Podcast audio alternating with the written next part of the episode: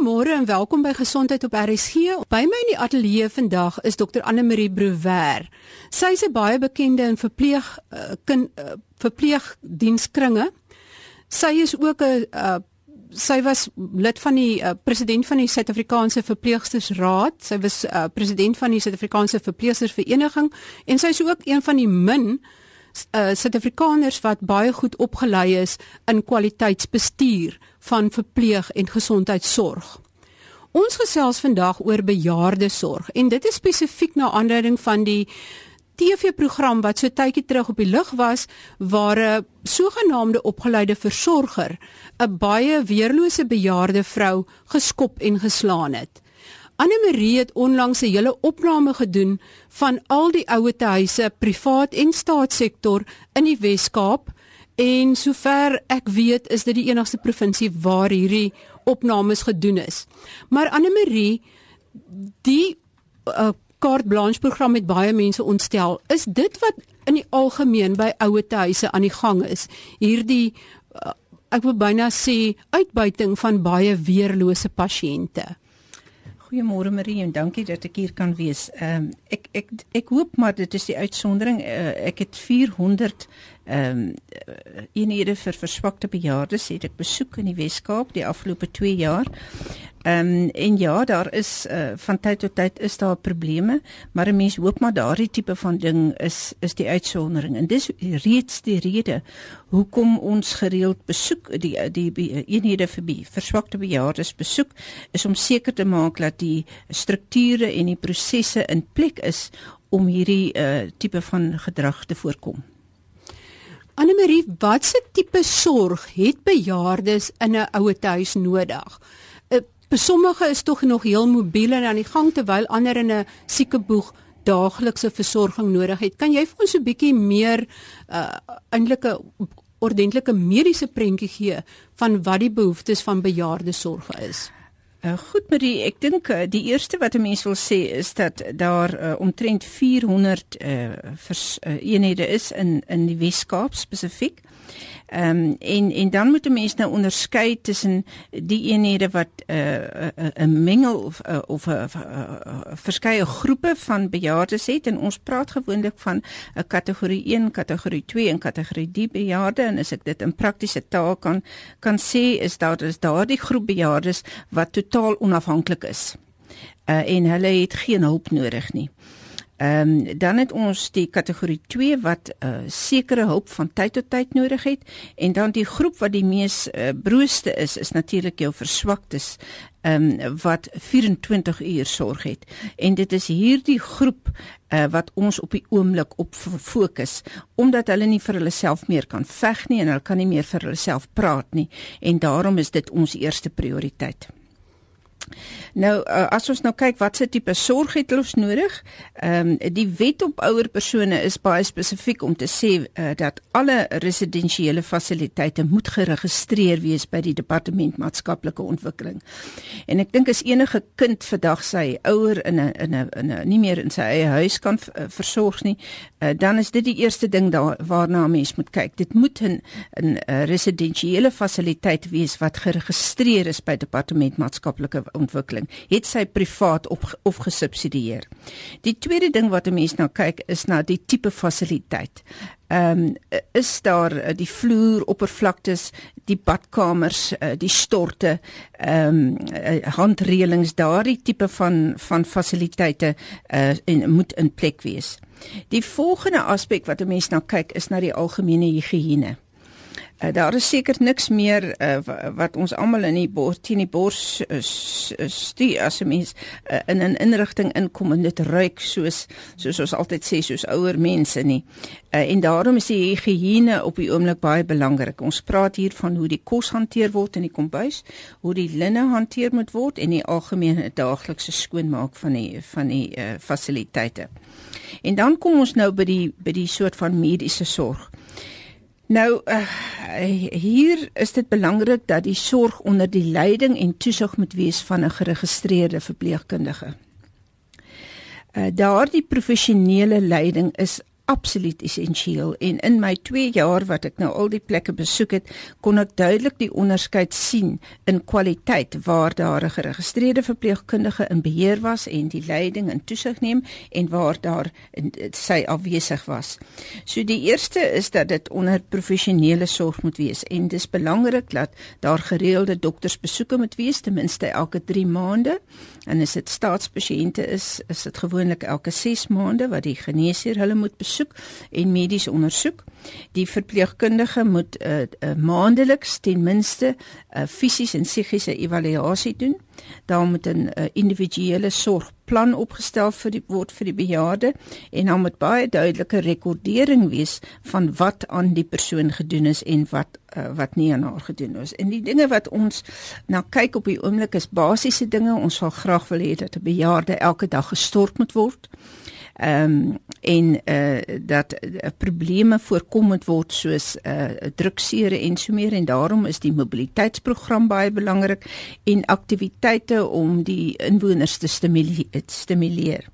Dit sal interessant wees vir die luisteraars om te weet dat omtrent 70% van die inwoners van verswakte bejaarde eenhede ly aan een of ander vorm van demensie en daarom speel die aktiwiteitsprogramme 'n baie belangrike uh, rol om uh, daardie uh, vermoë wat hulle het nog uh, te stimuleer um, en en uh, uh, dat hulle voorkom verdere aftakeling.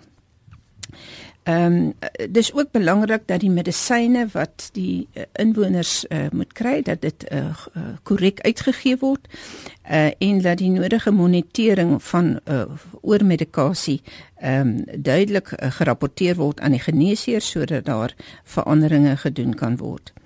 Die voeding van die inwoners is net so belangrik. Ons weet dat uh, soos wat 'n mens ouer word, tel 'n mens probleme met bene op en, en lae kalsium en daarom is uh, die korrekte voeding uh, vir al kalsium, Vitamiin D um, en proteïene baie belangrik vir die bejaardes en en en die spyskaarte moet gesertifiseer word deur 'n dieetkundige.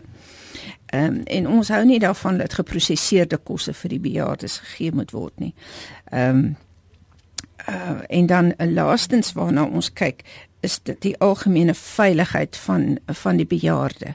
Uh veiligheid in die in die uh in die residensiële fasiliteit, maar ook veiligheid indien daar sou krisisse kom soos 'n um, 'n brand uh of een of ander ramp uh, dat daar 'n proses is om om hulle te beskerm. So dit in kort is die is die aspekte waar wat ons op op klim lê uh, wanneer ons gaan kyk uh, na uh, verswakte bejaarde eenhede. Annelie, as daar dan nou 'n sekere aantal mense in 'n siekeboeg by 'n ouete huis is, wat is daai ratio van hoeveel geregistreerde verpleegkundiges per bed behoort daar te wees in 'n ouete huis? Marie op die oomblik um, moet ons net uh, eersins sê dat ons uh, etlike vir etlike jare, ek dink as dit omtrent 10 jaar was daar geen besoeke gebring aan aan uh, eenhede vir verswakte bejaardes nie. Uh, met ander woorde, ons het begin deur te sê daar moet ten minste een geregistreerde verpleegkundige wees, ehm um, sodat sy die leiding kan gee aan die span ehm um, as as 'n mens kom by omtrent 30 inwoners eh, dan uh, voel ons op die oomblik sterk dat die dagdiens daar te alle tye geregistreerde verpleegkundige moet wees. En dan in die nag uh, kan daar die stafverpleegsters of 'n verpleegassistent kan dan ehm um, namens die geregistreerde verpleegkundige die toesig gee. Maar ons moet onthou dat daardie stafverpleegster en verpleegassistent werk altyd onder direkte en indirekte toesig van 'n geregistreerde verpleegkundige sielkundige. So 24 uur kry mens dan dat daar professionele toesig is met professionele aanspreeklikheid. Ehm um, wat, wat wat baie belangrik is vir vir die bejaardes om hulle om hulle regte te beskerm. Ehm um, dan mag die geregistreerde verpleegkundige bygestaan word deur subkategorieë in die dag ehm um, en dan ook deur ehm um, versorgers. Nou versorgers was aan, aanvanklik in Suid-Afrika opgelei vir uh, gemeenskapswerk, met ander woorde om versorging in die huis te gee. Maar soos wat die uh, inrigting swaar gekry het met met die finansies, ehm um, het hulle begin om versorgers ook in die ehm um, verswakte bejaarde eenhede en aftreeorde in te neem. En op die oomblik ehm um, is die die algemene rasio wat ons uh, uh, voel dit redelik is vir hulle is omtrent elke versorger kan omtrent 5 tot 6 uh, uh inwoners hanteer. Met ander woorde as jy 30 bed ehm um, verswakte bejaarde eenhede het, dan het jy omtrent elke dag 5 versorgers nodig plus 'n geregistreerde verpleegkundige om dan die toesig te hou. Goed, 'n geregistreerde verpleegkundige is 'n verpleegkundige met 4 jaar opleiding by 'n college of 'n universiteit en wat by die Raad op Verpleegkundige geregistreer is en so ook die stafverpleegster en die assistent verpleegkundige. Korrek. Hulle 2 jaar en 1 jaar opleiding. Dis reg, ja.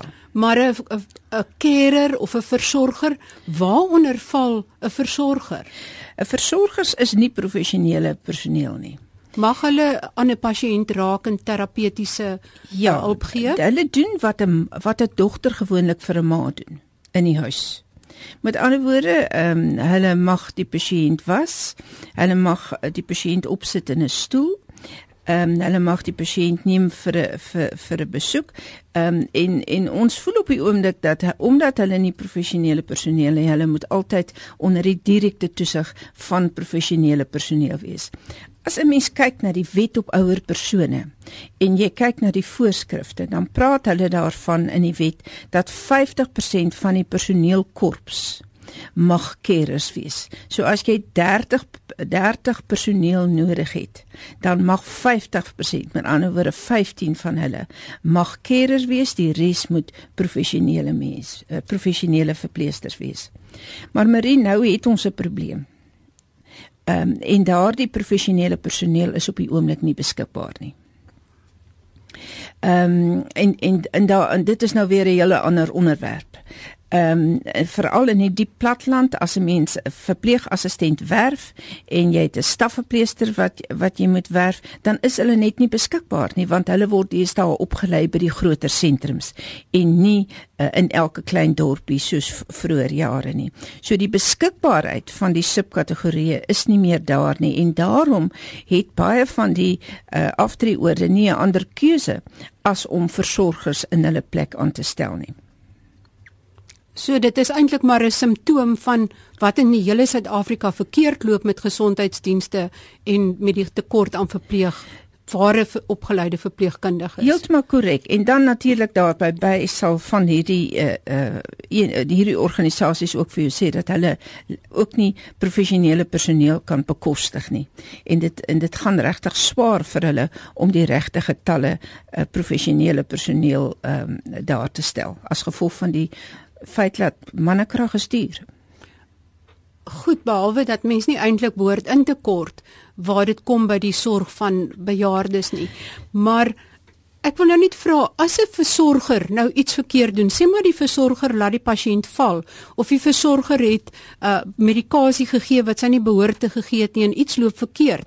Wie se skuld is dit en waar wat is die regstappe wat dan kan volg? Ehm um, wel in die eerste instansies wil ons graag hê dat daar altyd 'n verpleester is wat direkte toesig hou. Met ander woorde, as 'n pasiënt val, dan sal daar 'n verpleester wees wat ook dan sien dat sy val. Maar dit word natuurlik onmiddellik gerapporteer as 'n insident en die organisasie uh, moet alle insidente rapport, rapporteer aan die einde van die maand en daar is gewoonlik 'n beheer uh, liggaam wat uh, toesig hou oor die tendens van daardie insidente. Dit word ondersoek ehm um, deur die organisasie en die en die uh, nodige remedierende maatreëls en strafmaatreëls moet dan deur daardie organisasie gedoen word. Ehm um, uh, as dit 'n ernstige ehm um, uh, insident is ehm um, en daar is mishandeling ter sprake, dan moet daardie insidente moet aan die departement maatskaplike werk onder uh, uh, rapporteer word en daar is 'n baie spesifieke prosedure in die wet neergelê daarvoor. Met ander woorde sê maar een van my maafpaas in 'n ouer huis en word mishandel deur 'n versorger. Uh, het ek aan 'n eis teen die departement van maatskaplike werk? Nee, teen die organisasie. In in die Weskaap is alle uh alle inrigtinge is is privaat. Sommige word die die um, individu word gesubsidieer, maar hulle is almal privaat organisasies. So die teken sal wees daardie organisasie wat die diens lewer. So hulle moet twee keer dink voordat hulle dalk iemand aanstel wat nie goed genoeg opgelei is nie. Dit is korrek. Ehm um, die die aanspreeklikheid oor oor veilige sorg en dienslewering bly daar en daarom het meeste van hierdie organisasies in in toesig toesighoudende liggaam uh, wat kyk dat dat sekere strukture en prosesse in plek is. Nou, hoe weet mense of 'n versorger goed genoeg opgelei is? Wel, eh, op die oomblik is is daar uh, baie privaat instansies wat uh, opleiding gee aan versorgers. Dit is omtrent 'n 3 maande opleiding. Maar nie al van hier, al hierdie organisasies is geakkrediteer nie. Met ander woorde, die standaard wissel ook maar baie. Ehm um, en en daarom uh, kry baie van hierdie organisasies leer maar deur uh, mog en troffe. Uh, watter organisasies bied beter uh, opleiding aan? En natuurlik die verantwoordelikheid bly nog steeds as jy iemand in diens neem om hom eers uh, dan te toets en te kyk uh, weet hy wat om die basiese dinge te doen. En dis belangrik dat beperkings vir hulle gestel word om te sê dit mag jy doen en dit mag jy nie doen nie en daarom moet elkeen 'n werksbeskrywing kry met indiensneming om te sê in hierdie organisasie mag jy nie die pasiënte was, jy mag net hulle laat loop, jy mag hulle opsit in 'n stoel, maar jy uh, hanteer glad nie medisyne nie en jy hanteer nie die ander professionele take wat 'n verpleegster doen nie. Anne Marie, dan wil ek hoor um ou bejaardes wat na 'n ouer huis toe gaan of wat versorging nodig het, is baie keer dit is so belangrik vir elkeen van hulle om hulle onafhanklikheid te behou. Maar hoe hanteer jy dit as jy begin besef dat hulle onafhanklikheid of dit wat hulle beskou as hulle eie onafhanklikheid eintlik tot hulle nadeel is dat hulle nie meer so skoon lewe nie, dat hulle miskien miskien nie meer so goed eet nie en dat hulle werklik waar hulp nodig het, maar hulle wil net die hulp op hulle terme hê. Dit raak 'n dilemma eintlik vir die jonger mens wat eintlik na die be bejaarde ouer wil kyk. Marie, jy klink nou soos 'n soos 'n dogter wat bejaarde ouers het en weet wat 'n moeilike tyd het, het 'n mens met hulle om daai eerste stap met hulle te neem.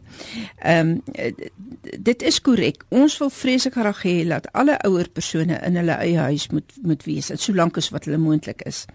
Maar daar kom 'n stadium en maar dit het ook sekere voorwaardes. Dit is die voorwaarde dat daar 'n infrastruktuur is om jou daar te hou.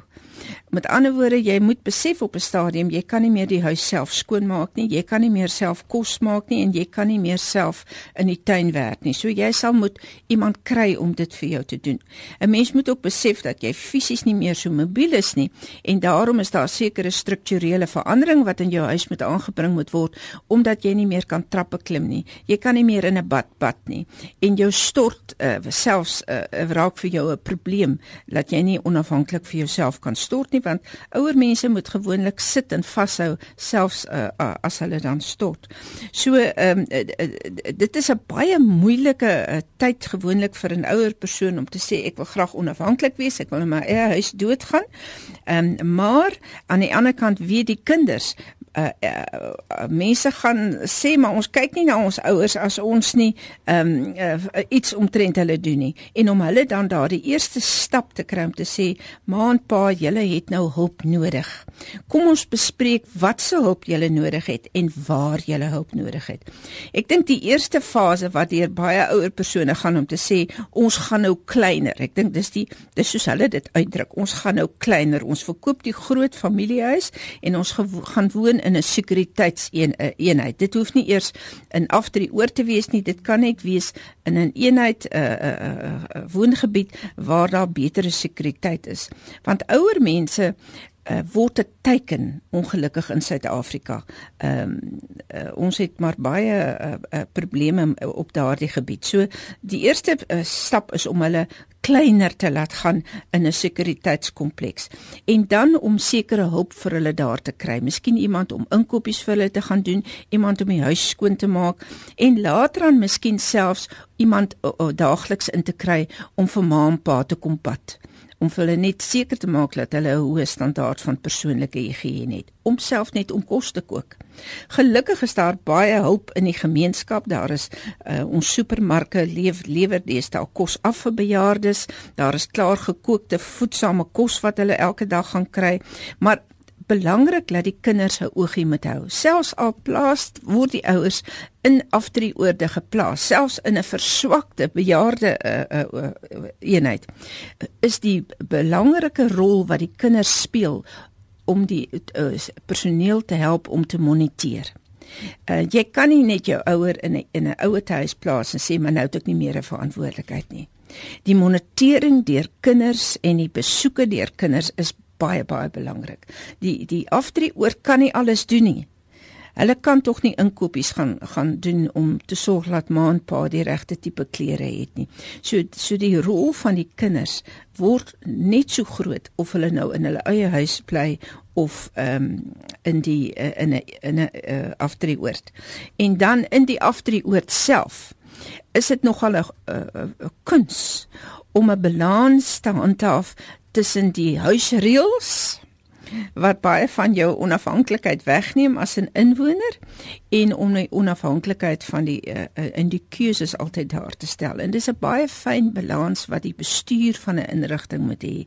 Uh, hulle wil graag reëls hê om die inwoners te beskerm in dieselfde asem neem hulle sekere uh, vryhede weg van inwoners en dan voel die uh, bejaardes hulle is weer in 'n koshuis soos soos wat hulle jongs was. Dis 'n baie fyn uh, kuns wat wat geantwoord word.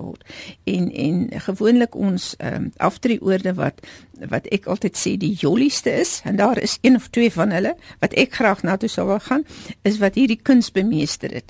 Jy het die vryheid, maar jy voel ook die veiligheid om om uh, te wees in die aand as jy slaap, dat weet jy is veilig.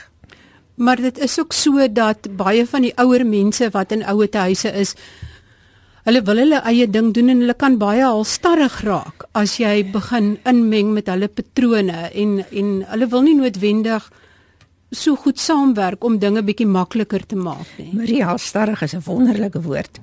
Uh, gewoonlik uh, uh, kom daardie halstarrigheid voor as daar 'n bietjie demensie begin intree. Gewoonlik as die ehm um, diskresie is een van jou dinge wat jy verloor as jy as jy ouer word. En en en en hoe meer demensie intree, hoe, hoe klou jy vas aan daardie idee van vroeër want dis al wat jy ken.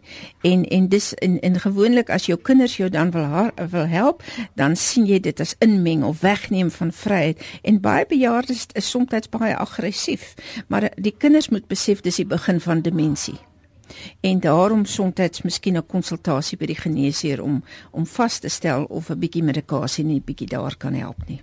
Vir so, daardie hartstarrigheid nie. So wil jy sê so 'n 'n positiewe sagge aarde boelie is dalk nie te verkeerd van die kinders se kant af nie. 'n 'n goeie vriend van my professor Gilles het nou die dag vir my kom besoek. Toe sê hy vir my ek ek het, ek ken nie meer my dogter nie sy het in 'n boelie ontaard. Dus sê ek nie maar dis 'n goeie teken. Uh, dis dis 'n dogter wat jou liefhet. Um, ek dink eh, 'n uh, mens moet maar so bietjie uh, streng wees soms. En ek en die familie moet saam 'n besluit neem ma en pa dis nou die beste. Uh, ons neem nou standpunt hierin Baie dankie Dr Anne Marie Brouwer, kenner op die gebied van verpleegsorg en van kwaliteit gesondheidsbestuur. Uh dit was ons gesprek oor bejaardesorg. Ek hoop dit het vir julle iets beteken. Uh ons gesels dan volgende week verder oor gesondheidsake.